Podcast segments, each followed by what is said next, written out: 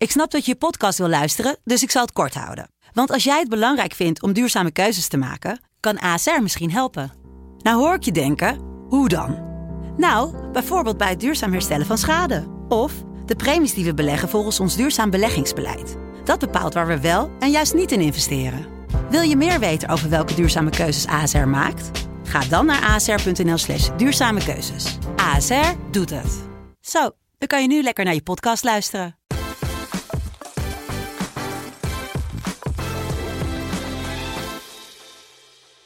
Hoi, leuk dat je luistert naar alweer een nieuwe aflevering van de Voetbalpodcast. Mijn naam is Erik Elias en ik zit hier natuurlijk weer met Jimmy Driessen Hey, hallo. en natuurlijk met Sam Planting. Hoi Erik, hoi Jimmy. En ja jongens, voordat we over het WK gaan beginnen, er zijn wat, eh, nou ik wil die geen klachten noemen, maar er zijn mensen die hebben een beetje moeite met Sam en mijn stem uit elkaar houden. Dus even voor nog een keertje. Ik ben Erik, hallo allemaal, en dit is Sam.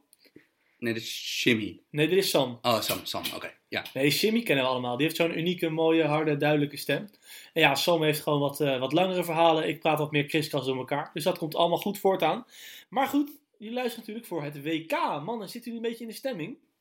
Ja, eigenlijk toch best wel. Ondanks eh, dat we niet altijd eh, getrakteerd worden op eh, prachtig voetbal. Maar eh, ja, ik eh, ben helemaal in WK-modus. Hoeveel wedstrijden heb jij gemist, Sam?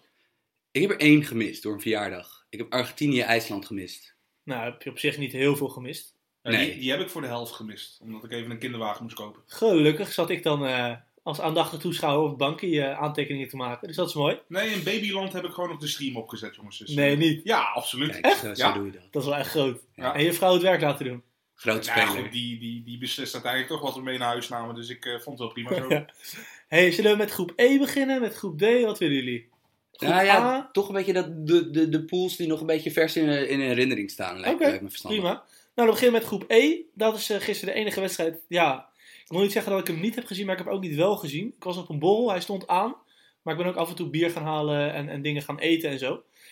Dus Duitsland-Mexico, jongens. Eh, 0-1 Mexico. Vertel het maar eens aan mij. Wat ging er allemaal mis? Ja, eh, wat ging er vooral goed bij Mexico?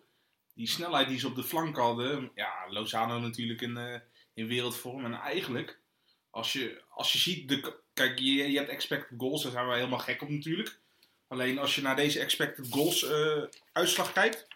Dan moet je wel even in, oog, in ogenschouw nemen dat Mexico heel vaak niet op het doel heeft kunnen schieten. Terwijl ze dat wel hadden kunnen doen natuurlijk. Want ze hebben echt een paar grote uitbraken om zeep geholpen, jongens. Ja, een beetje 3 tegen 2, 4 tegen 3 zag ik uit mijn Ja, hoofd. het was echt turbo voetbal, jongens. En ik had, ja, ik had alweer een tweet gezet van, jongens, eh, ik weet het beter.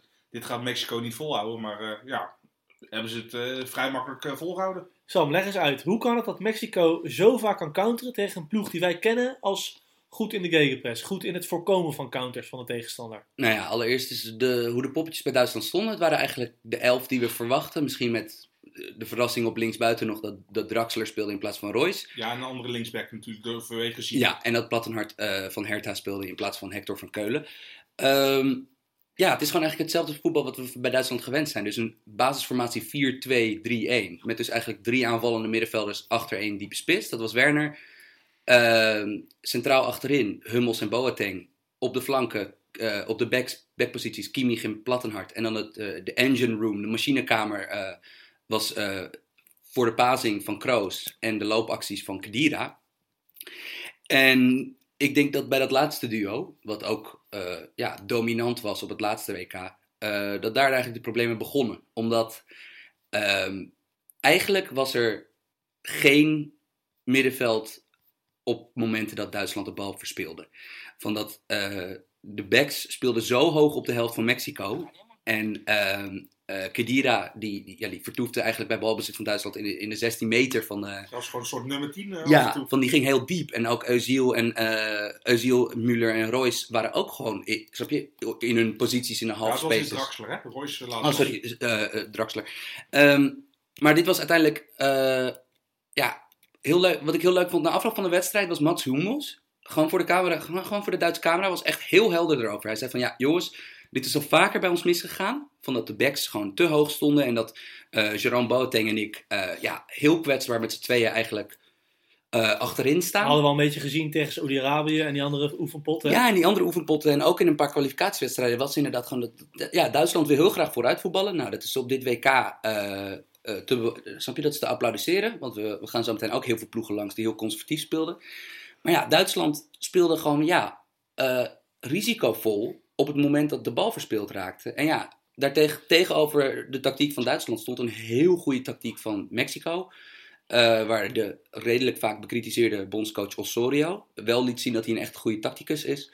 Mexico speelde eigenlijk ehm verdedigd op een manier zoals je veel Italiaanse en Spaanse ploegen ziet doen. Dat is eh, een middelhoog blok. Dus dat is een blok wat niet zoals IJsland eh, tegen de eigen, 16 zat. in de eigen 16 zat. En niet zoals Liverpool of... Ja, eh, dat is het welbekende lage blok. Precies, en niet zoals het welbekende hoge blok van Liverpool of eh, eh, ja, noem ze allemaal maar op, alle hoogpressende teams. Eh, in het, het was een middelhoog blok wat heel compact stond, oftewel de breedte eh, van eh, de buitenste verdedigers aan beide kanten eh, was, was vrij nauw, dat besloeg eh 30 meter. En dan stonden ze in een 4-4-1-1, dus eigenlijk met twee linies van vier. Eh, Vela op Kroos en eh, Chi- Chicharito tussen de twee centrale verdedigers van, van Duitsland. En dan was het eigenlijk elke keer eh, via eh, wanneer Guardado en Herrera of de verdedigers. eh, Ja, Herrera speelde wel echt heel Ja. erg sterk hoor. En wanneer Guardado of Herrera de, eh, of de verdedigers die bal veroverden, was het gewoon eigenlijk heel snel de flanken zoeken met eh ja, Lajoen. En eh Chucky Lozano. Ik heb gelezen dat Lajoen ook heel veel werk deed als soort van derde middenvelder. Dat nou hij naar ja, binnen kwam en het dan, zeg maar, dat ze linksback een beetje lieten staan, plat en de vier, de, vier aan, de, de twee buitenspelers, de tien, Vela en de spits Hernandez, die hebben alle, al- allemaal heel veel werk geleverd. En eh, wat ik heel erg knap vond aan Osorio is dat hij op tijd aanvoelde wanneer het tijd was voor conservatieve wissels. Ja, Want, eh, Lozano eruit halen, omdat toch wegens een defensieve arbeid. precies. En het momentje ja. van Rafa Marquez, Precies. terwijl wij zeiden die gaat nog een keertje invallen terwijl het niet meer hoeft. Gewoon op een heel belangrijk moment dus. Maar hij haalde bijvoorbeeld Vela, haalde die er, in de 55ste minuut haalde die er af eh, eh, voor een extra rechtsback. Dus dat ze eigenlijk 5-4-1 gingen spelen. Daarna werd Lozano, die ongeveer na 65 minuten helemaal leeggestreden was, werd vervangen voor een, eh, eigenlijk een centrumspits. Die op zijn positie linksbuiten ging staan en daar weer lange ballen ging afwachten. Raúl Jiménez gewoon Ja, was Raúl Jiménez, die binnenkort naar Wolves gaat voor heel veel Een geld. heel rare carrière heeft hij ook gehad. Mm, moet een keer kans krijgen, moet een keer een, een volstoende kans krijgen. Dan scoort hij volgens mij vrij veel goals. Dat is 28 inmiddels al. Ik ken heel die gozer niet. Ehm, maar in elk geval, dit was gewoon... Ja, Duitsland had, speelde, had een, speelde een spel met risico's. En kwamen tegen een ploeg terecht die daar intelligent en talentvol genoeg voor was om dat echt, echt te, te benutten. Oplossing voor Duitsland is misschien om die backs wat lager op het veld te zetten. Gewoon een echte middenvelder achter Kroos en Kadira, of denk je van niet? Ja, er zijn, hond, ik bedoel, er zijn honderden oplossingen. Maar ik, ik denk dat sowieso de afspraken op het middenveld van eh, hoe, hoe Duitsland, wanneer ze een keer de bal verspelen, dat ze niet met, eh, ja, met, met twee verdedigers tegen drie of vier snelle aanvallers staan. Van, er moeten gewoon duidelijk afspraken gemaakt worden. En ik denk dus wel dat bijvoorbeeld het duo Kroos-Kadira zien we denk ik niet meer terug. Maar jongens, even over, over die Mexicanen. Was Duitsland ook niet echt het perfecte tegenstander voor ze? Want ja, ik zie ze ditzelfde spel niet spelen tegen Zweden bijvoorbeeld. En dan zijn ze ineens de grote favoriet. Ja, ik weet niet. Kijk, ik denk sowieso, ze hebben nu drie punten. Ik denk dat zij gewoon lekker een beetje gaan counteren. Ja, wij hebben hier vanmiddag Zweden-Zuid-Korea gekeken en waren Ja. heel erg niet onder de indruk van wel beide twee ploegen. waarvan ik wel zeg van, nou ja, in ieder geval eh, wel ploegen die er veel energie in leggen, die wel een idee hebben, maar gewoon echt kwaliteit missen. Ja, Ik bedoel, de beste speler op het veld was Forsberg, denk ik. Echt by a mile. Ja, en, en kijk, ik denk dat het voor Duitsland ook een beetje de redding is dat ze met eh, Zuid-Korea en Zweden zitten. Stel je zit in die pool van Brazilië of iets dergelijks. Nou, en eh, dat een ploeg als Duitsland die op zijn bek gaat, waar je voetballers hebt als Kroos, Özil, Ja. Müller, Hummels, Boateng, van, snap je, dat zijn de beste voetballers ter wereld. Dus die zullen echt wel het een en ander kunnen qua aanpassen. maar Sam, denk je, je zegt net dat, al, dat er waarschijnlijk iemand geslachtoffer gaat worden bij Duitsland. Mijn gok niet- is Kadira. Ja, denk je niet eerder dat het ook Werner gaat worden? Ja, ik denk ook dat... In principe, je kan Müller er met zijn status niet naast zetten. En misschien zetten ze Özil Özil op rechts buiten, Müller in de spits inderdaad. Zou wel makkelijk zijn. Ik bedoel, je kan veel kanten op met deze selectie. Ja, één kant kan je niet meer Nou op. ja. Je, je kan niet meer op snelheid gokken, want je hebt geen Sané. Nee, maar ze hebben ook niet een tweede rechtsback. Kijk, ik dacht misschien moet je Kimi gaan het middenveld halen. En dan een rechtsback op rechtsback. Maar ze hebben geen tweede rechtsback. Want zowel bij Bayern als bij Duitsland zijn ze heel duidelijk erover. Dat Kimmich wordt uiteindelijk de architect op het, als verdedigende middenvelder Ja, uiteindelijk. maar Maar dus, ze vinden hem nu gaan nog we te jong.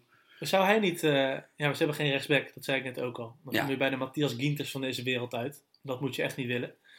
Ehm, ja, voor de rest, het is nu Duitsland-Zweden. Duitsland zal moeten, maar ik verwacht eigenlijk wel dat ze gewoon gaan winnen. Hoe zien jullie dat? Ja, ik, ik heb dan de wedstrijd eh, Zweden-Zuid-Korea heb ik inderdaad vandaag niet gezien. Maar ik ben, ja, ook tegen Nederland was ik niet heel erg onder de indruk van Zweden. En Nee. ja goed, niet dat Nederland zo geweldig was natuurlijk, maar ja, ik vind het echt een hele kleurloze plo- ploeg, vind ik het eigenlijk. Ja, Mexico kan nu gewoon tegen eh, Zuid-Korea het gewoon binnen gaan slepen.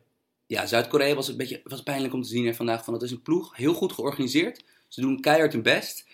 Eh, snap je, tactisch stond het allemaal eigenlijk redelijk. Maar dit ging gewoon qua... De uitvoering Nee. was gewoon echt, echt, echt slecht. Ook een paar corner varianten dat ze echt hun best deden. En dan hadden ze hem voor het linkervoetje van iemand liggen. En dan komt die bal 40 centimeter van de grond. Weet je, dat vond ik wel een redelijk mooie. Meedoen is belangrijker dan winnen, voor je? Ja, ja, ik denk het wel. Ja, Nog wel. één vraagje voordat we doorgaan naar een andere groep. Kan Mexico dit ook tegen grotere landen, denken jullie? Gro- grotere landen? Ja, tegen Spanje, Brazilië. Nou, ik, nou, ik Zijn er grotere voetballanden dan Duitsland? Duitsland is, is Ja, de goed, regerend Wat wereldkampioen. we nu een gezien de hebben althans. Kijk, Ja, maar het is één wedstrijd, oké, jongens. andersom. Kan Mexico dit tegen Spanje? Punt. Vraagteken. Ja.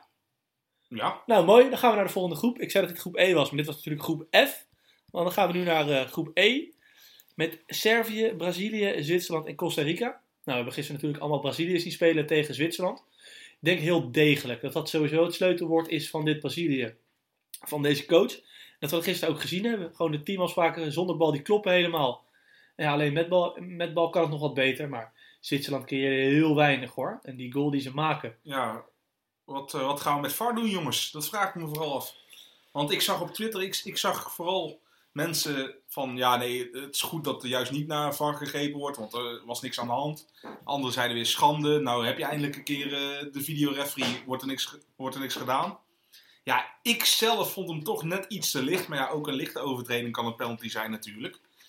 Maar ja, qua voetballend o- opzicht, het, eh, Brazilië begon echt heel sterk, maar na de voorsprong stonden ze een beetje te hinken op twee gedachten. Ja, daar leek het voor mij ook heel erg op. Ja. En dat vind ik dus zo niet Braziliaans eigenlijk. Wel onder deze coach. Want kijk, als je die linkerkant ziet, laat die lekker voetballen, man. Ja, met een. Marcelo, met een Coutinho, met een Ondanks die Neymar. geweldige linkerflank zijn ze natuurlijk, is, is Brazilië eigenlijk sinds 1990 is geen Joga Bonita ploeg meer natuurlijk. Dat is er al helemaal uitgesloopt. En dat is met, eh, als je met Casemiro en Fernandinho in je selectie zit, is dat onder deze bondscoach natuurlijk ook niet zo. Nou goed, Neymar, Coutinho zijn natuurlijk wel geweldenaren. Maar je ziet toch dat het niet genoeg is. Nee, ik vond wel Coutinho speelde dan op het middenveld. Wat we ook voorbeschouwd hebben. Gaat dat gebeuren? Ja, gaat Ja. gebeuren. Is, Speelde zonder bal een goede pot, vond ik ook. is ook nodig. Met dit middenveld is dat ook echt wel nodig. Ja. Ik heb het idee dat, er echt, dat, dat ze heel dichtbij zijn dat deze ploeg enorm kan swingen. En dat, dat, Dat de dat- puzzel helemaal aan elkaar ja, dat, valt. nee, dat het een grote Neymar, Gabriel Jesus en, en William show wordt. Ja. Wat bijvoorbeeld, kijk... eh, William vond ik gisteren wel onopvallend. Had een goede eerste 20 minuten, maar vond ik daarna niet heel bijzonder. Een eh, Die rechterkant die zit sowieso niet heel lekker in elkaar, Ja, maar, ja, maar inderdaad, Neymar kan lekker naar binnen duiken, omdat, Ja. omdat hij weet dat Marcelo er overheen komt. Ja. William moet alles zelf doen, want die heeft Paulinho en Danilo achter Ja, maar zich. Ik vind Paulinho echt een heel nuttige speler. Nee, absoluut. Het is een soort Ja, van luxe, luxe, luxe variant van eh, Davy Klaassen. Heel luxe. Ja, van het, is, het, is een, het is een centrale middenvelder die verdedigend zijn werk doet. Die, snap je, ballen afjaagt, eh, geen gekke dingen doet in de passing. En gewoon echt 20 keer per wedstrijd opduikt in de 16 van de tegenstander. En dan gaan natuurlijk gewoon Ja, kansen maar het en is, goals inderdaad, het is wel een lopende speler natuurlijk. Ja, en, en. William is rechtsbenig, staat op rechts, maar gaat ook heel vaak naar binnen. Hè? En die rechtsback komt er niet overheen. Ik denk dat we vooral mee moeten nemen van Brazilië dat ze gewoon heel degelijk waren. Zwitserland had in de eerste 10 minuten hadden ze een grote kans. En die wat, dacht je, corner. wat dacht je van Zwitserland? Eh, eh, Ja, want Zwitserland is een goede ploeg. Hè? Dat is gewoon een heel goede ploeg. Ja, Ze staan niet voor niks zesde. Nou goed, ze hebben ook heel veel oefenwedstrijden gespeeld, of Mhm. juist niet. Vanwege die, die- dat ze die hoge ranking hebben natuurlijk. Maar ja, Zwitserland is geen klein landje meer, jongens, qua voetballen. nee. En ja, ik ben het best wel met Sam ook eens. En, en wat ik ook bij, bij ons alle, alle drie hoor van... Dit is gewoon echt een goede ploeg. En we hebben gisteren daar een soort bevestiging van gezien. Zonder bal. Alleen met bal moet het nog eh, wat beter worden. Denken jullie dat Neymar fit is? Ja, hij, hij trekt de benen wel weer even met zijn met zijn voet natuurlijk. Ja, ik heb ook in het aantal sprints wat hij trekt, volgens mij eh, is hij niet helemaal fit hoor. Volgens mij kiest hij nog echt zijn momenten uit. Ja, of misschien is het wel echt een afleidingsmanoeuvre. Ja, ja, ik weet niet. Kan hij wel heel goed in heel spelen. Dat kan die ook. Nou ja, dat, dat bleek toch wel. Maar jongens, we hebben, we hebben in de voorbeschouwing best wel vaak gezegd van ploegen die, waar, waarbij het geheel beter moet zijn dan de som der delen. Dus waarbij de ploeg die op het veld staat beter is dan de elf namen, snap je, die ze, er, die ze erop kunnen zetten, individueel zouden zijn. En tot nu toe heb ik twee ploegen gezien op dit WK waarbij je dat echt kan zeggen. Zwitserland en Mexico. Ja. Van dat, dat, dat ploegen zijn waar eigenlijk het beste uit spelers wordt gehaald. Maar ook beide waar ze natuurlijk echt dik in een underdog-rol Ja. zitten. Dus dan is dat ik toch... denk dat dat meespeelt. Komen we later op, maar Portugal vond ik ook heel goed hoor. Tegen Portugal is inderdaad, en eigenlijk ook weer hetzelfde verhaal. Komen we later op, maar omdat jij dat aansnijdt van wie stijgt er nou echt boven zichzelf uit. Als we naar deze groep kijken, hebben we verder Servië, Costa Rica. Hebben we denk ik een goed Servië gezien. Ja, Met, met heel veel technische jongens. Eh, Costa Rica was trouwens absoluut niet kansloos, hè? Nee, helemaal niet. nee, maar Costa Rica is, is in het, zoals we al eerder zeiden, van de kleine landjes, van de pot vier landen, is het denk ik de minst zwakke. Ja. Ja, en het staat wel gewoon daar. Ja. Kijk, het was weer niet een leuke wedstrijd om te zien. Zoals we wel meer hebben gezien dat allebei de ploegen, zeker de eerste pot, zoiets hebben van nou, we gaan er voorzichtig in. Maar Costa Rica speelde wel heel verdedigend. Ja, natuurlijk beslist door een standaard situatie. Dat, Ja, dat eh, begint een trend te worden, hè Sam? Ja, dat begint inderdaad een trend te worden. Eh, we nemen deze podcast op voor Engeland-Tunesië. Dus we hebben 13 wedstrijden gehad. 29, er zijn 29 doelpunten gevallen. 15 van die 29 goals waren uit dode spelmomenten. Waaronder de 9 doelpunten uit corners en vrije trappen. Ja, dat is echt bizar. Snap je? Dat is een bizar groot deel van de doelpunten valt gewoon uit dat soort momenten. Eh, ja, zo ook deze wedstrijd. eh, door de vrije trap van Kolarov. Van, met een van de mooiste trappen in de, in de wereld. Eh, het had, eh, terwijl eh, qua, qua kansen en expected goals was deze wedstrijd redelijk nipt. Servië-Kroatië. Maar Mitrovic had... eh, Sorry. Servië-Costa Rica. Maar eh, eh, Mitrovic, de spits, had in de tweede helft toch eigenlijk wel twee keer een tamelijk briljante vooractie van Sergej Milinkovic-Savic, het Servische wonderkind. eh, nou, de Servische wondertank. Het is nog niet het toernooi Eh. van Mitrovic. Kunnen we zeggen na één wedstrijd. Nee, die speelde. Die, ik bedoel, eh, eh, er- hij, hij maakt veel damp, zoals de. Ja, maar ik, ik vind het wel een geweldig spelen. Het is wel echt een enfant terrible Ja, en natuurlijk. een- hè? en Hij is het spits dat je zegt, er gebeurt wel wat. Ja. Weet je? Er gebeurt wel wat, maar zijn, zijn die gebeurtenissen doelpunten is de vraag. Nee. Hebben jullie bij Servië iets gezien waarvan je denkt, dit kan een ploeg worden die in de volgende ronde, die überhaupt de volgende ronde haalt en daar wat kan betekenen? Of is het echt groepsfase hoop overleven en that's it? Ja, als je nog met Ivanovic op de rechtsback moet eh, komen. Ja, dan, dan ja, vraag Ja. ik me af als je inderdaad even de snelle jongens gaat tegenkomen. Of, of je dat dan gaat redden Het is wel grappig, hè? tegenwoordig de backs in de moderne voetbal zijn snelle, fitte, sterke jongens. Gaan 90 minuten heel de flank af. Ivanovic is niks van dat alles, denk En ik. Ivanovic is denk ik 36 en Kolarov 34. Ja, zoiets. Maar goed, Kolarov is natuurlijk wel gewoon een fantastische Ja. eh, voetballer nog steeds. Ivanovic zou ik lekker in het centrum zetten persoonlijk. Ja, maar, maar, maar Zwitserland of Servië, jongens? Ik vind het lastig, hoor. Ik denk Nou, Zwitserland. Servië heeft het talent op papier, maar Zwitserland oogt toch als een coherentere. Maar, maar ver- vergeet niet, Servië was de favoriet tegen Costa Rica. En Zwitserland was de underdog tegen Brazilië. Dus kunnen we al na één wedstrijd al zeggen van ja, Zwitserland he- heeft, heeft, een, heeft twee punten minder dan, dan, dan Ja. Servië op Ik zie bij moment. Servië niet echt het idee terug van, van wat je bij Zwitserland wel heel duidelijk ziet. Nee, maar, toch, maar wel weer meer die individuele Ja. kwaliteiten Ja, En kijk, en het is echt typisch zo'n WK. Kan beslist worden op één briljante actie van, van, eh, van Tadic. Die Ja, heel of goed één, speelde. één goed aangesneden, goed ingekopte corner meer. Dat, dat is eigenlijk. Dat is meer Ja. een teken, ja. Dat, ja, en, en in dat opzicht. Servië was wel een van die ploegen waar- waarvan wij volgens mij alle drie dachten: van jongens, mag ook wel een tikkeltje minder passief. Van dat, snap je dat het allemaal wel heel voorzichtig was met twee middenvelders, Milivojevic en, en eh, Ja. United's Matic, die eh, ja, echt met hun kont vlak voor de eigen verdediging eigenlijk deed het, eh, eh, het spel opbouwden. Dus eigenlijk constant waren er vijf of zes man achter de bal. Terwijl ja, deze ploeg heeft talent. En natuurlijk Tadic, dat, eh, Tadic is echt een goede voetballer. Dit keer stond Ljajic op, eh, op links. Je hebt ook nog Kostic, die is iets sneller en dynamischer. Eh, en natuurlijk onze SMS, eh Sergej Milinkovic-Savic. Ja, die, die maakte echt een goede indruk in de tweede helft. En, maar moet Brazilië zich niet misschien zorgen gaan maken? Nee. Nee. Nou, ik heb wel echt een heel degelijke ploeg gezien. En ik denk dat het in balbezit nog wel een stuk beter wordt. Dus ik denk het niet. Ik denk dat ze ver gaan komen. En trouwens, eh, kijk, dat is een beetje hetzelfde verhaal als bij Duitsland eerst. Zo'n ploeg als Brazilië heeft opties om het om te gooien. Dat bijvoorbeeld zij kunnen eh, Fernandinho in plaats van Casemiro er neerzetten. En dat het misschien dan wel opeens makkelijker voetballen is door de as. Zij kunnen eh, Renato Augusto erin brengen op het middenveld voor balans. Eh, ze hebben Firmino als andere, andere optie in de spits als Jesus eh, ja, ja, dit soort wedstrijden blijft hebben. Ze hebben op Ja. links hebben ze nog een, hebben ze Douglas Costa nog of op, op rechts als vervanger van Wiljan van. Ja, Deze ploeg kan echt heel veel kansen op. maar toch, je hebt, je hebt drie poolwedstrijden en misschien hebben ze de sterkste al gehad. Maar ze hebben toch al een slippertje gehad. Want niemand had verwacht dat Brazilië natuurlijk na één wedstrijd op één punt zou staan. nee, maar goed, dat is typisch dat WK, toch? Ja, hey, nu meteen zeggen, wie gaat er door met Brazilië? Nu. Zwitserland. Zwitserland. Oké, nou, dat is toch wel altijd een goede test dan, hè? Groep D hebben we denk ik een van de frustrerendste wedstrijden gezien, denk ik, eh, met IJsland-Argentinië. Dat je dus, eh, ja, dat je één ploeg ziet met alle talent van de wereld, die niet door een laag blok heen komt van IJsland, 4-4-2 slash 4-4-1-1. En ze hebben een onwijs getalenteerde selectie qua aanvallers, maar het aanvalsplan is, hier Messi heb jij de bal en ga het maar doen. Ja, het, het was echt zo lethargisch om te zien van de aanvallers. Het was, ja, ik, ik snap het niet. Nee. Geen beweging, echt. Het was echt allemaal alsof ze een kaartje hadden gekocht voor de Messi-show. Van ja, we, ge- we geven hem een bal en ja, hij gaat er iets mee doen. En je weet van tevoren, zit je te kijken, goh, Bilia en Mascherano naast elkaar. Dan mis ik een beetje creativiteit, dan Ja. mis ik een beetje Lo, loopvermogen Lo Celso heb je in het natuurlijk. druk zetten. Lo Celso kan daar spelen, Banega kan daar spelen. En je zit te kijken, je weet IJsland, dat weet je. Die gaan zich laten inzakken. Ja, die gaan met 10 man inzakken. Maar hoe is dat te verklaren van Sampaoli?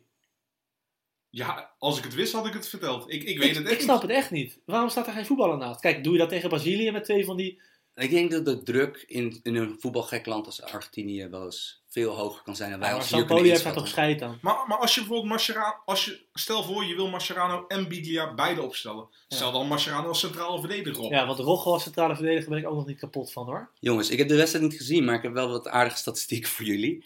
Ehm, balbezit, Argentinië 78%, IJsland 22%. Ja, dat kan ik wel kunnen vertellen. Eh, schoten, buiten die penalty omgerekend. eh 26 voor Argentinië, 26 doelpogingen. IJsland 8. Argentinië had heel veel slechte schoten. Ja, Maar heel veel slechte schoten, want Ja. namelijk het expected goals, eh, de expected goals totalen als je die penalty, en een penalty heeft meestal een expected goal waarde van 0. 85 of zo? eh, eh, nee, 0,76. Dus omdat s- waarschijnlijk gaan 76% van de penalties bij er Messi allemaal, iets minder, want die missen nog wel eens. eh, maar per eh, de fantastische pagi- Twitterpagina van 11 tegen 11, eh, dat was gewoon eh 0,95 voor Argentinië om 0,98 voor het ingravene IJsland. Dus 1-1 Dus prima uitslag.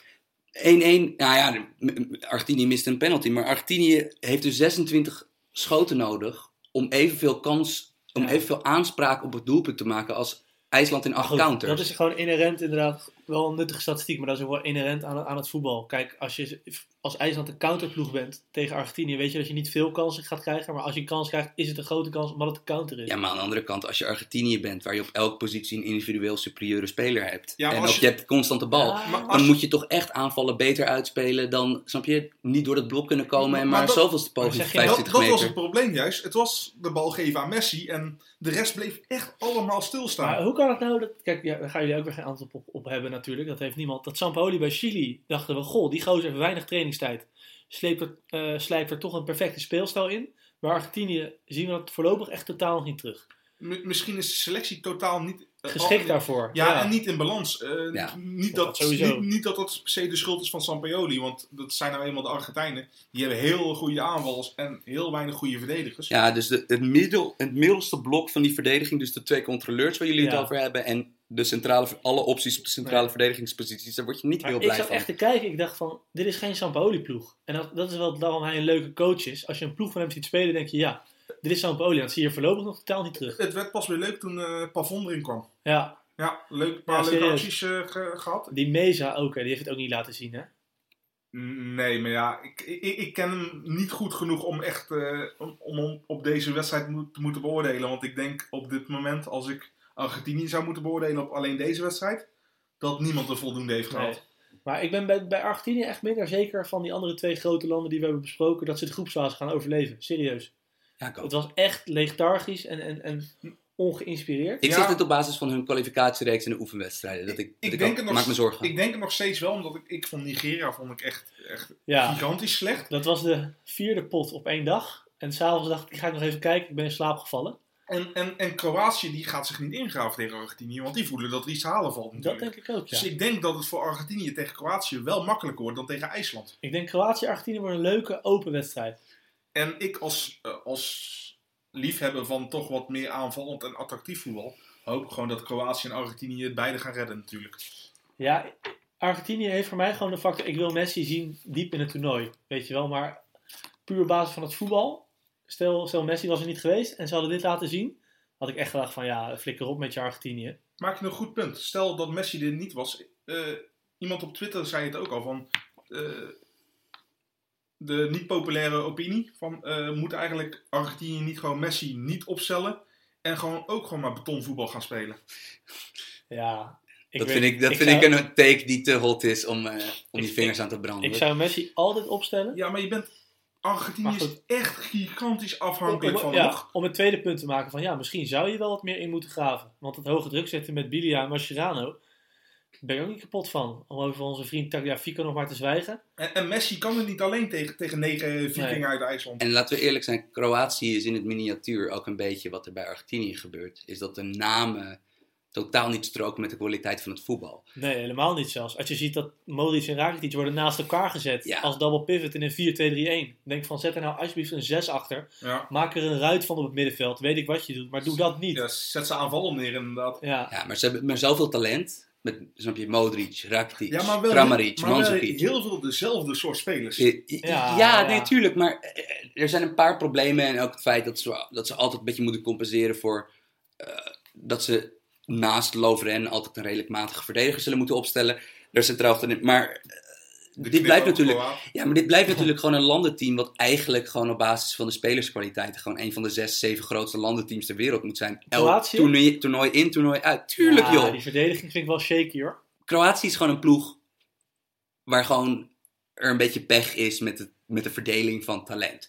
Is dat ze lijken veel op elkaar qua talent en ehm, ze, willen, ze hebben allemaal eigenlijk bij de clubs hebben ze vergelijkbare rollen. En ik zie het gewoon weer dit toernooi niet gebeuren. Wat eeuwig zonde is als je hier later aan terugdenkt. Als je dan, als je kijkt Ja, je wat van, huh, hadden die toen die en die? Ja. Moet hij een keuze maken tussen Modric en Rakitic? Nee, die moeten altijd spelen. Nee, die moet- die moeten altijd spelen, kerel moet gewoon een systeem bedenken dat ze allebei wat hoog op het veld kunnen spelen. Bandelje erachter? Ja, bijvoorbeeld. Ja. Ja, misschien zou je Kovacic op 6 kunnen zetten en Pjaka op, op 10. En dan met Mandzukic eh, en Perisic voorin bijvoorbeeld. Nee, Maar Hij gaat, hij gaat niet heel het systeem omgooien. Nee, Nee. dat doet hij nu niet meer, maar dat had ik wellicht gedaan. Alhoewel Kramaric ook wel heel goed is. Even iets heel anders. Hebben jullie op de NOS gekeken, die pot? Ja, ik heb hem wel... ge- Ja, ik heb hem gekeken. Volgens mij denkt Frank Snoeks dat Modric een 10 is. Dat dat gewoon een soort Euzel-achtige speler is. Ja, dan heeft hij al heel lang geen, niet echt zitten opletten bij Hij zei van, ja, wat speelt die jongen in de bal? En eh, dat Modric elke keer het balletje kon ophalen, zo, dat verbaasde me echt heel erg. Nee, ik denk sinds dat hij bij de Spurs weg is, is het al niet meer zo het geval, toch? Even niet te lang. Kijken jullie op de NOS of op de BBC of op de Belg? Waar ik, zitten jullie? ik kijk eigenlijk gewoon meer uit gemak vaak op de NOS, maar ik, ik heb zelden het commentaar echt hard aanstaan, moet ik je bekennen. Sam? Ik was gecharmeerd door Jeroen El- Elsels commentaar bij Mexico-Duitsland. Want dat, was gewoon, dat, dat, dat, dat ving het enthousiasme van deze wedstrijd. Ik vind sowieso de commentatoren, dat, dat, daar- daar stoor ik me dit WK niet, niet mateloos aan. Maar ehm studio-items kunnen beter. En in dat opzicht loont het misschien meer om naar, bij BBC of ZDF te kijken. Ja, ik weet niet. Ik vind het van de commentator altijd wel te vergeven als ze een foutje maken. Want ik heb het gevoel dat dat veel moeilijker is Nou dan ja, wij denken. Ja, een Is het, is het sowieso. Sowieso. blijven We noemen. hebben de eerste pot, was ook Frank Snoeps, denk ik. Hè? Ja. Kokorien, die met, ge, met gescheurde kruisbanden thuis zit. Dat is een grote fout. Maar een keertje, als het een heel snelle aanval is of zo, een verkeerde aanvaller noemen, vind ik wel vergeeflijk. Jawel. Maar als je zo'n studio-item ziet in de rust, waar je dus letterlijk, nou ja, goed drie kwartier over kan nadenken, wat ga ik zeggen? Mag van mij iets beter, moet ik zeggen. Het Ja. was goed dat ze gisteren die ballen hadden. Ja, en ook hoe het vervolgens, als hij elke keer wat voetbalinhoudelijke dingen zegt. En natuurlijk, snap je, Ibala is ook een figuur met zijn, snap je, met zijn heerlijke accent en zijn enthousiasme en zijn, en zijn Ja, jargontermen. hij Ja, is natuurlijk heel makkelijk om een karikatuur van te het is makkelijk om een karikatuur Ja. van die man te maken. Maar hij zei echt verstandige dingen over voetbal. En ik denk dat ook heel veel van de, beetje de niche luisteraars die wij, die wij bij deze podcast hebben, zullen ook gewoon erkennen van, nou ja, hij, hij had slimme dingen te zeggen over, dat, over, over, over die wedstrijd. En hoe hij werd behandeld in die studio, dus dat Pierre van Hooydonk en Tom Egbers ehm, ja, eigenlijk niet op, erop ingingen, dat vond ik gewoon flauw. Nou, Want ik bedoel, waarom nodig, je hem, waarom nodig je hem dan uit? Je weet wat je krijgt met ballen. misschien is de kennis niet, maar ik, ik, ik ben het niet helemaal met je eens. Want eh, hoe ik het meer zag, is eh Hiballa die, die, die zet heel de aanval op. En Pierre van Hooydonk die maakt hem af eigenlijk. Want eigenlijk, Hiballa benoemt alle punten waardoor iets komt. En Pierre van die benoemt het gevolgen van een studio. Ja, maar dat tweede is veel makkelijker. Ja. Ja, tuurlijk is het ook. Ja. Maar En ook eh, lekker negatief. Dat scoor je in elk geval altijd bij een deel van het publiek. ja, ik, ik heb me er toch minder aan gestoord dan, dan jullie Ik weet blijkbaar. niet, man. Ik, ik, ja, storen is een groot woord. Ik heb er niet echt gestoord, maar ik denk wel vaak van, goh, het kan een stuk beter. Want- Hoogtepunt qua studio-items was toch wel dat eh Sonny Luco.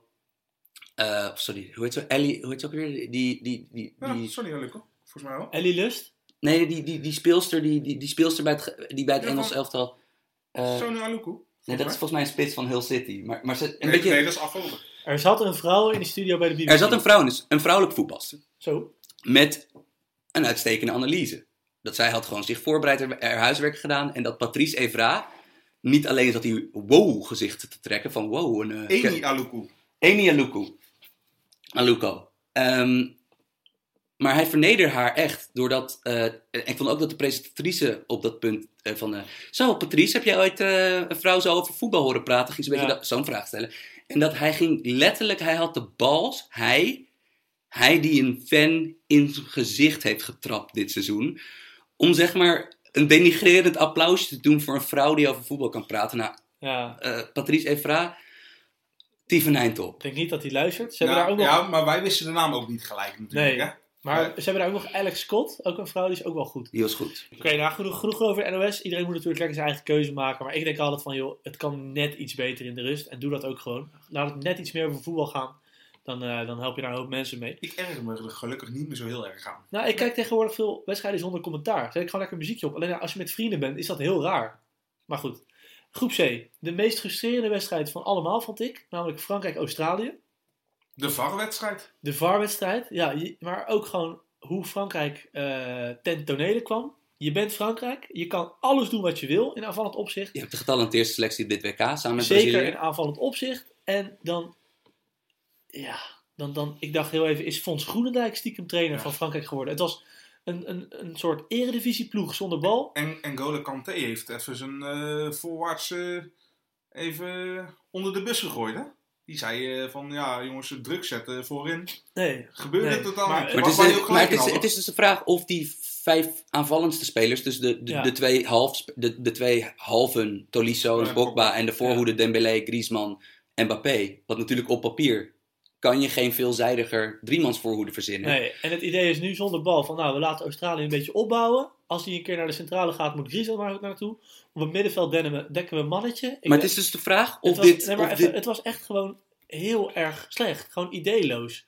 En ze lieten Australië echt voetballen. Want maar denk jij dat die 2-1. drie aanvallers gewoon hun werk, hun taak, collectief Nee. niet uitvoerden, of dat Deschamps gewoon echt gewoon ze niet Luister, heeft doordrongen van het feit... is een keiharde werker. En Mbappé zit bij PSG altijd te pressen. Dat geldt hetzelfde voor, eh voor Dembélé. Dit was gewoon coaching. Echt. Echt. En vervolgens ook wat de wedstrijd nodig had. Want dit, volgens mij zei jij dit ook vanmiddag tegen mij. Van, je, hebt drie, je hebt drie voorhoedespelers die eigenlijk overal op het veld gevaarlijk kunnen worden. En die dus heel veel van positie moeten wisselen en diep moeten Ja. gaan. En je hebt in deze selectie heb je spelers zitten die de breedte die nodig is voor dit wisselen van positie van die drie voorin. Die heb je in de backs CDB en Mandy, die vroeger allebei Ja. bij Monaco En speelden. dan, dan zet je hem zo weg. En dan zet je hem weg met Pavard en Hernandez, wat heel getalenteerde verdedigers zijn, maar dat zijn wel gewoon ver- in de eerste plaats verdedigers. Ja. Jawel, Terwijl- maar van, van tevoren hè, vonden we het toch ook niet gek dat die twee speelden. Nou, ik niet hoor. Ik zei eh CDB Mandy. Ja, Ja, ik, ik was wel team en anders Pavard Het zijn wel feiten. Ja, maar ik denk toch dat bijvoorbeeld in de rust, in de rust had hij bijvoorbeeld met een dubbele wissel, ik denk echt dat het een en ander kunnen oplossen. Want Frankrijk creëerde buiten die penalty Dan Eh, komt het schriftje weer. kansen ter waarde van 0,54 expected goals. Dat is niks. Ja, maar dat is tegen Australië. Kijk, respect voor Bert van Mark. Hoe hij het heeft neergezet zonder bal. Echt waar.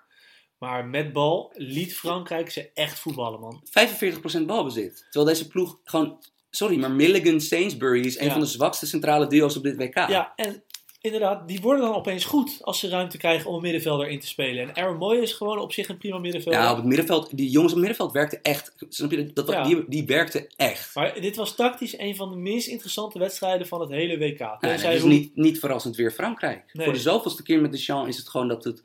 Ja, Het lijkt toch echt een coach te zijn die op tactisch vlak gewoon ja, echt tekort komt. En dat is hard om te zeggen over een trainer, maar dit gebeurt te vaak met een te getalenteerde ploeg. ik ben ook benieuwd hoe, hoe, hoe dat binnen zo'n selectie zelf ruilt en zelt. ja, maar dat denk ik dus ook. Want zo'n Griezmann die komt van Simeone, weet je wel. Dus, dus hè, PSG hebben ze veel jongens van. Ja. Die zullen toch ook denken van, wat, wat gebeurt mij hier nou? We gaan gewoon druk zetten. Wat, wat afwachten tegen Australië?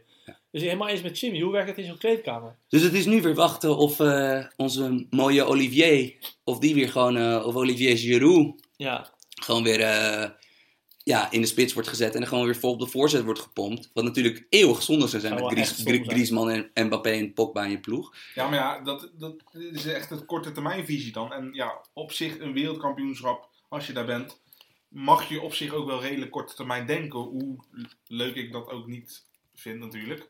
En shout-out naar alle mensen met Pogba takes. Van Hoezo? echt waar. Hoezo? Het is zo... Het is zo uitgekoud om te gaan kankeren op die gast. Van als je... Als jij niet ziet dat Pogba goed, goed kan voetballen...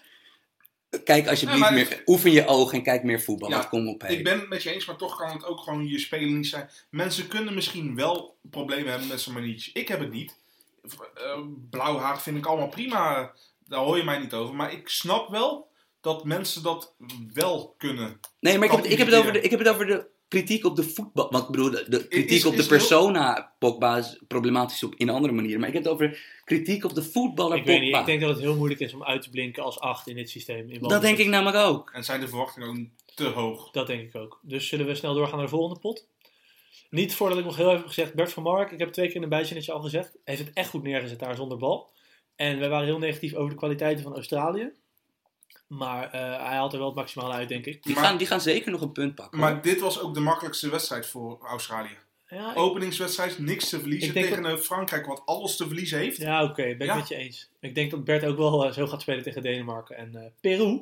En dat zijn de twee ploegen die we nu gaan bespreken. Want Peru heeft denk ik niet alleen mijn hart gestolen, die maar ja. van heel veel mensen. Hè, die rechterkant, allebei geblondeerd. Pure cult. Heel veel energie, veel schoten op goede plekken in het veld. Heel veel mooie acties Ze hadden gezien. dezelfde energie als Mexico en ook heel veel kansen Ja, verspeeld. Alleen ja, zij scoren dan weer het is niet. wel de harten gewonnen, maar geen punten gewonnen. Want Denemarken heel lousy, hè? Was dat de meest gestolen overwinning tot nu toe? Nee, ik denk misschien nog ja, Marokko, Iran misschien ook. Iran. Ja, Iran ook wel, hè? Meer op de manier hoe die Ja, je kwam. Want, gelijk. want Denemarken Aan de andere kant, nee, nee, wacht even. Want, kijk, Denemarken heeft wat kwaliteiten. Terwijl Jawel. Iran moet het op deze manier doen. Nee, klopt. Alleen maar, maar Denemarken was wel echt gewoon een, een prima aanval. Hoe ze, hoe ze het doelpunt scoren. ja, oké, de, Ja. de goal viel natuurlijk. Ja, die hebben ze wel echt zelf gemaakt. Dat was heel slecht geprest van Peru, hè? Die lieten Eriksen daar opeens vrij staan. Ja, dat moet je niet doen met, met Nee, Christian Eriksen. Ja, en Peru moet nu natuurlijk tegen Frankrijk. Dat wordt denk ik ook weer wel een leuke wedstrijd. Als Peru dezelfde energie aan de dag kan leggen. Hetzelfde kwaliteit in het voetballen. Tegen dat Frankrijk. Het, het, het zou toch bizar zijn als laat Peru de beter voetballende ploeg zou zijn dan Frankrijk met al die namen op papier. Ik sta het niet uit. En die Cueva, die spelmaker van de, met, met een, met een eh, volleerde stampenalty, die, eh, die echt bijna het stadion uitvloog. Zonde, Hij Goeie, speelde goed, leuke, echt een leuke voetballer. Die rechterkant was leuk, met die tegenblondeerde Ja, die waren op de brommer. Maar dit zijn natuurlijk ook wel de teams eh, die we het snelst leuk gaan vinden, omdat we er weinig over weten. Dat is waar. Ja, die Dus- Advincula bijvoorbeeld, die rechtsback, 66 interlands. Hele carrière gehad. Vertoeft alleen maar op de achterlijn van de tegenstander. Ja, mooi, Doet weinig aan verdedigen. Mooi hè? Ja, verdedigers overreden, toch? Tuurlijk. Ja, nou, zeker op het WK, als we al die potten gaan kijken. Er zijn wel ploegen als Peru eh, waar we het voor doen. Eh, Denemarken heeft op zich wel een leuke kans om ver te komen, heb jij me een keer uitgelegd, Sam.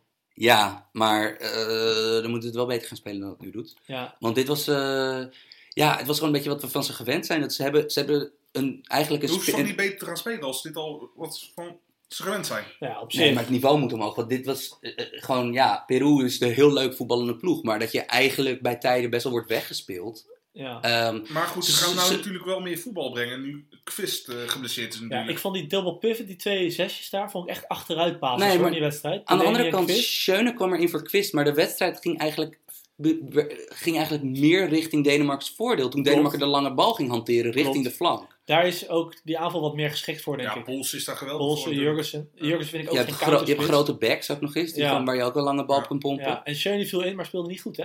Hij leverde een paar ballen in. Hm. Hij had daarna wel een paar passes vooruit, maar niet dat ik dacht van nou... Schöne is een 6 in een heel specifiek systeem. Hij is, Ja. een, hij, is een, hij is een controlerende middenvelder in een Ajax-systeem. Ja, Eigenlijk is het ook gewoon acht. Hij, ja. zou, hij zou bij Denemarken gewoon op. Eriksens plek, denk ik, staan. Wat Jimmy zegt inderdaad. Er moet gewoon of iemand naast staan, of hij moet zelf hoog op het veld staan. Eh, maar ja, goed, Denemarken pakt wel drie punten. Dus, eh, Sisto, iemand waarvan ik dacht van, nou, zou een van de individuen zijn die wel eens dit WK de harten kon stelen, heeft, Ja. liet weinig zien, die linksbuiten. Kan nog altijd. Kan nog altijd. nee, maar ja, goed, als Denemarken van Australië wint, hebben ze zes punten. Hey. Jurgensen eh, was, was eh, terwijl de, BB, de BBC-commentator de, en, de, en de analist in de studio, die waren allemaal erg gecharmeerd van hem. Ik vond hem geen, eh Jurgensen? naar Nee, Jurgensen ik vond- begrip geen goede wedstrijd spelen. Nee, maar ja, zijn wij misschien gewend dat hij tegen de eredivisie verdedigers leuke dingen laat zien? En dat hij Ja. er halve veel kan? En hij is als een hij redelijk Ja, spits natuurlijk. Tapia. Als hij dan tegen twee van die slopers staat, Ja, Tapia speelt best leuk daar, hè? Ja. Goed zo. Eh, ja, Frankrijk moet het echt gaan laten zien tegen Peru. Een wedstrijd waar ik zin in heb. En eh, Denemarken gaat waarschijnlijk gewoon door. Ja, ik, ik hoop eigenlijk wel dat, dat, dat niet, zeg maar, nou Frankrijk en Denemarken ook beide winnen, zodat heel de pool al gespeeld is. Nee, dat wil je Dit nooit kan wel eens, dit kan wel eens, als, die, als dit scenario, dit kan wel eens de saaiste pool van het WK worden. Ja, Ja, of niet. Als- of als, niet, Als want... Peru wint van Frankrijk. Nou goed, dan kom je heel van de als-als. Ja, We gaan het gewoon allemaal meemaken. Zullen we naar de volgende groep gaan? mhm. De leukste wedstrijd van het toernooi tot nu toe. En misschien wordt dat ook wel niet meer overtroffen. Namelijk Portugal-Spanje. Ja, echt wel een pot gezien. Waanzinnig Spanje in het veldspel. Portugal, wat vind ik echt goed in elkaar zit. Ook op de counter. Spelen volledig in dienst van Ronaldo. Maar het werkt wel gewoon. Het scoreverloop zat mee. Eh VAR-momenten. Mooie goals. Een vrije trap in de laatste minuut. Geweldig, toch? Ja, dit, dit zijn al eh, ingrediënten voor een moderne klassieker op een eh, groot toernooi. En helemaal ook de manier hoe die opgebouwd is. Je hebt een van de beste landenteams tegen misschien wel een van de beste toernooivoetballers in een land dat op dit moment Europees kampioen is. Ja, we- En ik- eigenlijk werd Portugal eigenlijk al bij voorbaat afgeschreven. ja, en ook daar, daar heb ik mij bijvoorbeeld echt schuldig aan gemaakt. Want gewoon, ja, dit is toch gewoon een ploeg, snap je, met een coach die weet wat hij doet. Snap je, een, een, coachingstaf die weet hoe je het neer moet zetten om zo optimaal resultaat te pakken. Dit is gewoon een goede ploeg. En deze, gaat, deze ploeg gaat ver komen. Dat, eh, want de, de, de, de groepswinnaar van Pool A, stel dat Ja. Portugal tweede wordt, die, ik denk dat Portugal daar in elk geval wel eh, mee raad weet. En ik vind het leuk om te zien dat ze, de voorhoede is wat verjongd. Ja, en, en het leuke is inderdaad op het laatste moment. Dus André Silva speelde voor in de kwalificatie. Daar staat nu Guedes naast. Ja, en André Silva is echt een klassiek spits. En, en Guedes, kijk, Ronaldo was eerst meer een spits die wou echt om een spits heen spelen. En nu is hij juist. Tweede is eh, eigenlijk de slaaf van Ronaldo. Ja, maar die, doet, Ja, die maar- werkt ja. voor hem. Als hij de bal heeft, denk ik, waar is. Ronaldo? Ja, maar het werkt wel. Ja. En ze hebben nu op de Ja, buitenkant, hè? Af en toe toch wel iets te slordig alleen. Ja, maar, maar- goed, dat is kwaliteit. Maar ja, maar ik weet dus kan bij Valencia kan die, kan die het wel. Mhm. Ja, dus, oké. En goed. eh, Guedes, Gu- Guedes is, eh, ik vond ik erg gevaarlijk ogen Ja. tegen Spanje. En, Gaat hij eh, bij PSG, denk je, gewoon in de selectie aansluiten? Ik denk dat PSG het een en ander moet... moet verkopen.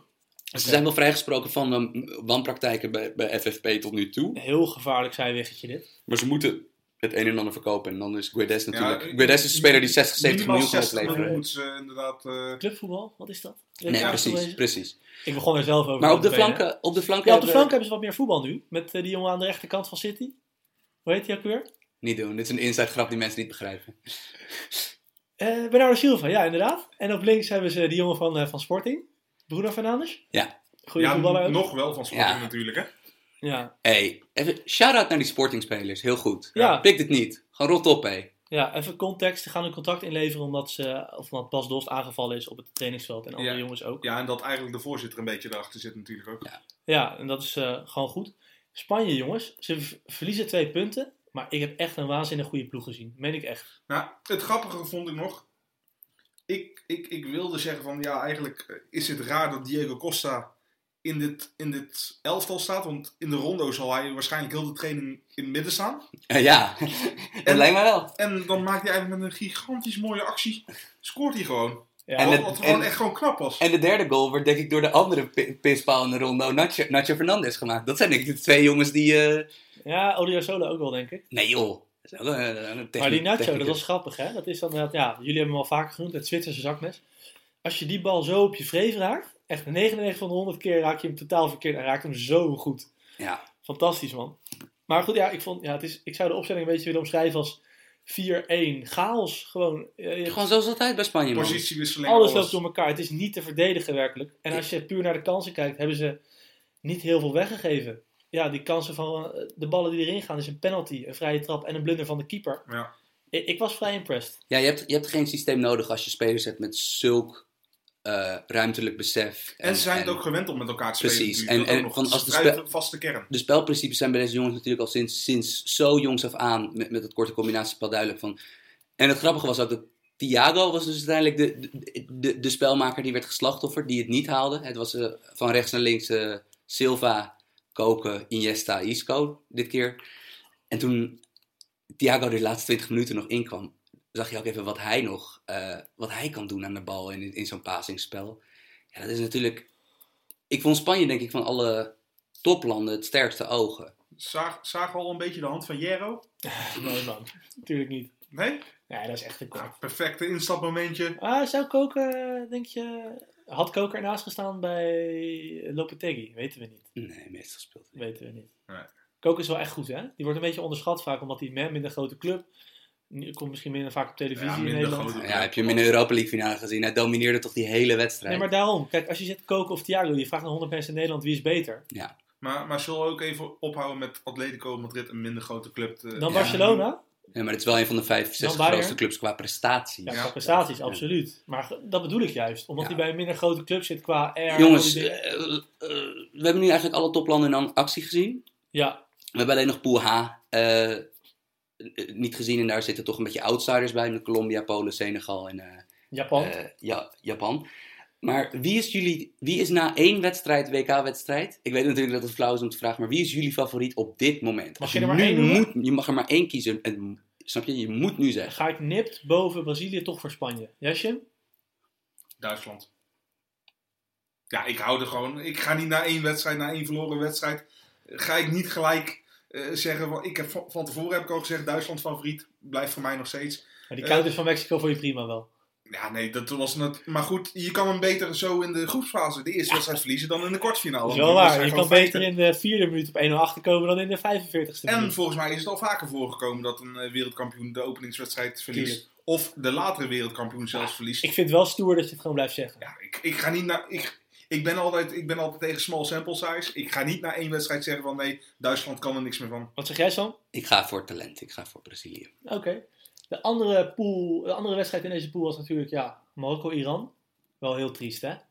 Ja, Mar- Mar- Mar-. Marokko begon echt goed, maar Ze begonnen echt leuk. Ook Ja, veel aanvallender dan na, we na verwacht 20 hadden. minuten was het op. Want als je, als je die opstelling langs gaat, ze speelden dan 4-3 met op de buitenkant eh, voorin Harit en Ziyech die naar binnen mochten komen. En achterin rechtsback Amrabat is eigenlijk een aanvaller, weten we natuurlijk allemaal.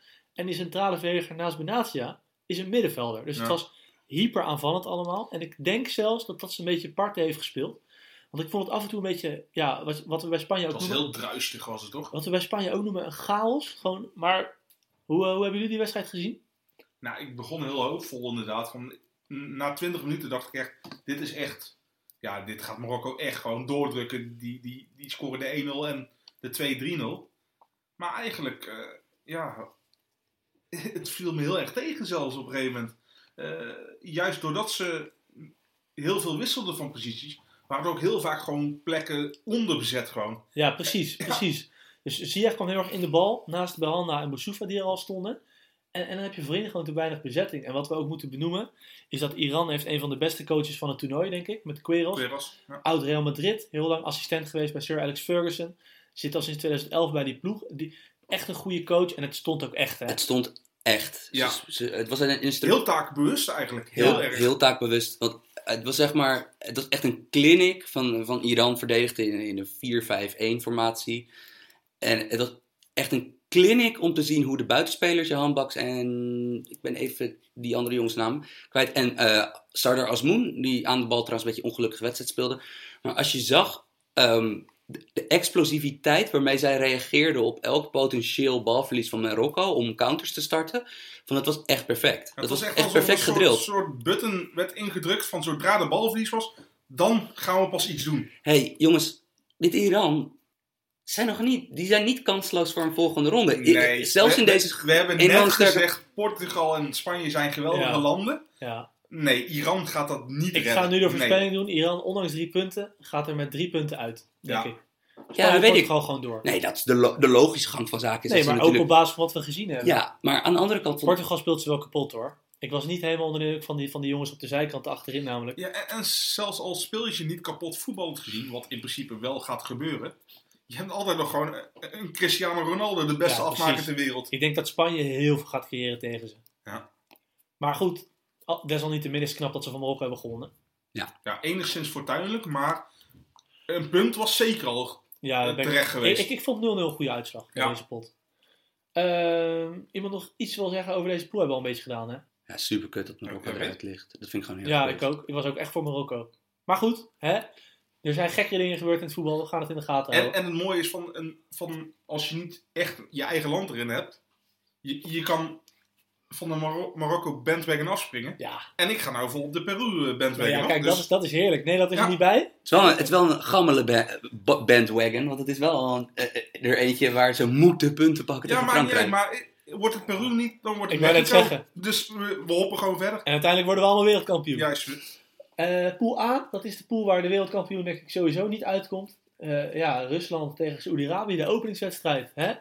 De, de, de wedstrijd om de mensenrechten. Ja, het, het was qua, als je de uitslag eh, zag, dan denk je echt van, wow, Rusland heeft echt een clinic gegeven.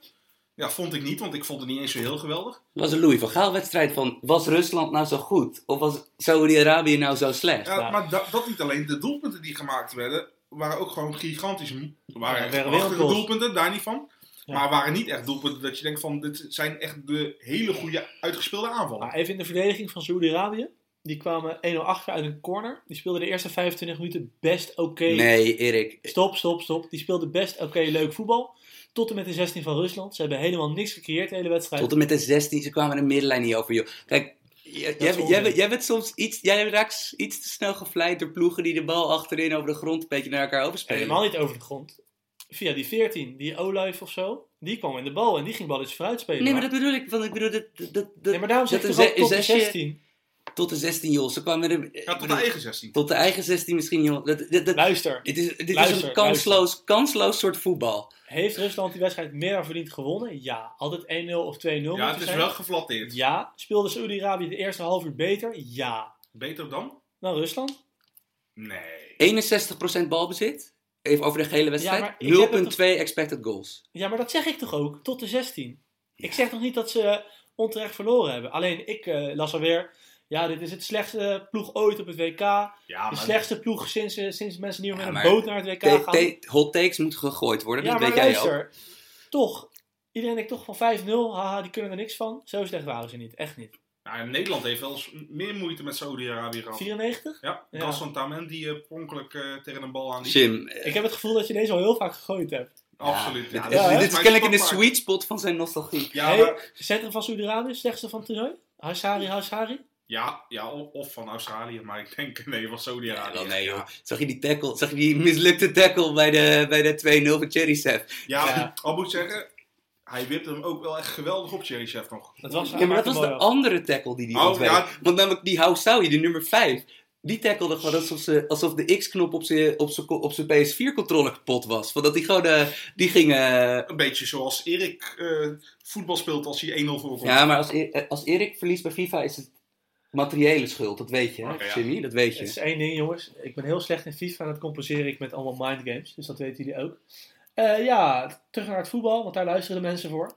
Egypte-Uruguay. Denk ik niet een eh, leuke, fascinerende wedstrijd. Maar wel tactisch wel veel gezien. Waarvan ik denk van, nou... Ja, maar het, het- de grootste juichacties van het publiek waren als Salah in beeld wa- waren. Ja, Ik bedoel, ja, nee, maar dat, dat, het was een 0-0 wedstrijd eigenlijk. Sal- Salah's droevige puppyogen na, na die kopbal van eh Ja. Jiménez één minuut voor tijd. ja en Trezeguet, en. Trezeguet die de man moet zijn, maar dus niet de man kan zijn. Omdat de man die wel de man is, niet meedeed. Nee. Nee, geen spel tussen te krijgen inderdaad. En ik vond bij Egypte, ik vond het niet heel goed in elkaar zitten, maar wel oké. Niet dat ik dacht Ze zijn nou, niet slecht ze zijn niet slecht. En als je Salah erbij denkt, Ja, maar tegen, tegen Uruguay lijkt al heel snel niet slecht natuurlijk, omdat ze je gewoon lekker laten wel. ja. En, en, dat, Godin was- en dat ze Godin Godin en, was geweldig. ja, Jiménez en Godin waren echt ja we gaan- ongenaakbare We gaan van het slechtste centrum naar het beste centrum van het toernooi, denk ik. Hè? Ja, Godin ja. en Jiménez. Ja, maar Godin was gewoon een dribbelkoning, jongens. Ja, ja want Godin had, had veel meer vrijheid aan de bal. Ook omdat zeg maar, bij, bij Ja. Atletico waar hij speelt, zal Gabi of Coco al heel Wat snel denk je Ja, dat- of zal Simeone gek worden? Wat denk je Ja, dat Simeone doet als jij zo gaat indribbelen? Ja, die, die, die verliezen pan. Natuurlijk. helemaal gek. Ja. Maar eh, Uruguay heeft wel een klein creativiteitsprobleempje, vind ik. Ja. De twee jongens die voor de verdediging spelen op het middenveld zijn niet heel creatief. Op de zijkant staan een beetje meer lopers. Die jongen op En, links. maar, maar het is natuurlijk wel een bewuste keuze, want hij heeft Lodero niet meegenomen Nee, en. Pereiro niet. Dus Dus blijkbaar houdt hij hiervan. Ja. Die jongen op links zou het dan moeten zijn. De Arrasquieta, De Arrasquieta. die bij Cruzeiro speelt in Brazilië en naar een transfer naar Monaco Ja. gaat maken. Maar goed, het gevolg daarvan, dat die jongens dus niet echt veel creëren, is twee dingen. Je hebt een hele solide wedstrijd gezien, maar ook Cavani Soares moeten in de bal gaan spelen, weet je wel? Maar, maar, maar de, het raarste tactische foefje vond ik wel Caceres Caceres op Ja, precies. Ja, die heb ik vond, ik vond vooral gewoon, eh, dit is toch een beetje vier wat U- Uruguay speelt, het systeem is 4-2-2-2. Dus Ja. dat je 4-4-2 speelt, maar met centrale, Twee- ja. centrale middenvelders En aan de twee zijkant. aanvallende middenvelders inderdaad. Nee, precies. En dat, die, die staan zeg maar ook aan de binnenkant van het veld. Dus dan is de flank voor die backs. Ja, En ze hadden Varela aan de rechterkant. dat is een draver. Dat is een draver. Ja, maar dat kan nog wel binnen dat En- systeem. Precies, precies. Caceres, wat gewoon een centrumverdediger slash schopper is. Ja, en eventueel nog rechtsback Ja, is, en maar niet linksback. stijf rechtsbenig is. Die moest dus opkomen aan de linkerkant. Ja, dat, dat gaat hij helemaal niet doen, joh. Nee, en ik heb van Willem Haak gelezen dat er een linksback in de selectie zit die dat prima kan invullen op links. Ja, Diego Laxalt, dat is een wingback. Van Eigenlijk, Genua. ja, eigenlijk een linksbuiten van Genua. Met de cornrows. Maar dat durft Tabarez niet. De coach Tabarez is vrij conservatief. Nou, dat viel wel mee, want kijk, onze hip, hipster voetbal-darling Lucas Torreira werd er pas een minuut voor tijd ingedaan. Maar, eh, die jongen, die, die, die kleine spelmaker die nu naar eh, Arsenal gaat. Maar hij had natuurlijk vrij veel voor Uruguay begrippen jonkies op het veld staan. Vecino van Inter is, is, is mid-20. Christian Rodriguez speelde niet, maar aan de linkerkant speelde die Deraskeeta. Nee, Ja, maar we hebben... en je Betancourt, die, die, die, die eigenlijk die regie moest hebben op het ja, middenveld, die redelijk jong was. Ja, maar het was... Misschien verwacht ik ook wel te veel van hem trouwens. hoor. Maar ik vrees dus dat Uruguay, het ging eigenlijk iets meer lopen toen de ou- oude bokjes, dus Ja, Carlos Sanchez en ja, eh, Tata Rodriguez, toen Ja. die erin kwamen. Ging het Toch meer vond ik het wel belachelijke wissels op dat moment. Ja, maar het is toch een directe speelstelling. Ik bedoel, kijk, het is wel zo dat eh, voorzetten zijn natuurlijk niet het meest efficiënte wapen in het moderne voetbal. Aan de andere kant, zoveel WK-teams hebben niet een centrum, cent- centraal verdedigingsduo wat echt goed om kan springen met de hele tijd ballen op eh Suarez en Cavani richting 16. Ik weet niet. Ik, ik denk dat dit een ploeg is die met deze formule lekker in de volgende ronde naar huis gaat. Groepje komen ze uit en dan is het snel klaar, denk ik. Ja, maar dat heeft er meer mee te maken dat ze gewoon een gigantische moeilijke tegenstander in Portugal en Ja. Spanje gaan Maar ze krijgen. gaan kunnen verdedigen, hè, jongens. Ja, Dat, Ja, is de kunnen helft van het, dat is de verdedigen. helft van het spel. Ja. Want ze kunnen niet, ze kunnen niet omgaan met, eh, eh, hoe noem je dat ook weer, het Maar initiatief. stel ik zou een gemiddelde voetballiefhebber zijn, zou ik er niet voor thuis blijven. Denk je Uruguay? niet van- Wel, nee, joh. niet. ja misschien omdat ze nog wel grote namen hebben als Ja. Suarez en, en eh, Cavani. Daar kan je nog wel ja, de normale voetbalkijker mee trekken, denk ik. Suarez had een off-day, hè? Ja. Die speelde echt niet goed. Nee, nee ja, mis echt gigantische kans. Jongens, ter afsluiting. Hadden jullie, hebben jullie een eh, speler van de eerste speelronde? Iemand die, iemand die opviel, dus buiten de Ronaldo's eh, Ja, van ik, deze ik heb wereld? Cheryshev natuurlijk, omdat het eh, ja, totaal niet in de lijn der verwachting lag dat hij veel minuten gaat maken. Dus dat is de linksbuiten van Rusland die twee keer scoorde. Ja, want hij heeft ooit al een keer aangegeven dat hij, dat hij ja, niet zoveel heeft met het Russisch zijn. Hij is, voelt zich meer Spanjaard. Is, is nooit onomstreden geweest. Heeft natuurlijk Zagoyev en Golovin in eenzelfde soort rol links of centraal voor zich natuurlijk. Dus dat zijn niet de minste. Maar dat hij nou juist eh, als, als noodgedwongen wissel zijn entree maakt en twee gigantisch mooie doelpunten maakt. Ja, dat vind ik ook heel mooi. Dat Is die, is die Golovin nu onsterfelijk in Rusland trouwens, na deze openingswedstrijd? Van is hij nu een kleine keizer daar voor de rest der tijd? was hij al, denk ik al. Hij was wel echt al de nieuwe breed, toch? Want Zagoyev had ze eigenlijk al een beetje opgegeven. Blijkt ook maar weer terecht. En eigenlijk eh, zal vooral Juventus balen dat Golovin het goed heeft gedaan. Want eh, Juventus was volgens mij al vrij ver met hem voor het WK. Oh, echt waar? Ja, en eh, ja, je hebt best kans dat CSK nou even eh, een slaatje eruit wil slaan. Ja, mijn speler van de eerste ronde, die komt morgen pas in actie. Dat is eh, Takashi Usami van Japan. Die gaat morgen spelen en die gaat het heel goed doen. Daar gaan we het allemaal over hebben. Ik was zelf. eh, ik, was bij, ik, ik, ik was door vrij veel eh, verdedigers was ik gecharmeerd. Eh, bij, eh, sorry, ik was. Ik was Saudi-Arabië. nee, sorry. Ik was door vrij veel defensieve arbeid van Zwitserland tegen Brazilië was ik vrij gecharmeerd. Ik vond, eh, ik vond Akanji, die jonge verdediger die, die eh, links centraal achterin stond bij Zwitserland. Die eh, bij Dortmund speelt, die vond ik erg goed. Had en hij ik wel een vond- penalty tegen hem krijgen of niet? Dat weet ik wel zeker, ja. Ja, lastig met Gabriel Jesus, hè? Ja, hij ging ook wel gewillig naar de grond We hebben natuurlijk. het helemaal niet over de videoscheids gehad. Moeten we maar een keertje doen. Ja, moeten we wel, of niet. Nee, of niet. Kunnen we ook doen. Nee. hey, eh, we zijn er doorheen. Dankjewel voor het luisteren. Er is nog één dingetje. Op iTunes, er wordt wel goed geluisterd, maar eh, we hebben niet echt veel reviews en recensies. Dus mocht je een iPhone hebben of een iTunes-account, eh, dat is het volgens mij, hè? een van die twee dingen. Ja. Ja. Ja, en gisteren eh, kwamen we daarachter dat dat belangrijk is. Want ja, wij praten graag over voetbal met elkaar, maar we weten niet heel veel van het podcastwereldje af en zo. Dus als je dat wil doen, heel graag. Even naar iTunes gaan, ons eh, ja, je beoordeling geven. En schroom ook vooral niet om gewoon te zeggen van ik vind dit goed of ik dit vind dit goed, ik zou dit beter doen. Vinden we hartstikke leuk. Dus doe dat alsjeblieft. Zolang de vijf sterren er maar bij blijven. Sam nog iets te zeggen erover? Nou nee, joh, je deed je goed. Oké, top. Nou, dan zijn we vrijdagochtend weer bij jullie terug met eh, de tweede WK-podcast. We blijven alles kijken. Dankjewel voor het luisteren en eh, ja, we zitten er helemaal in. Hey, tot ziens weer.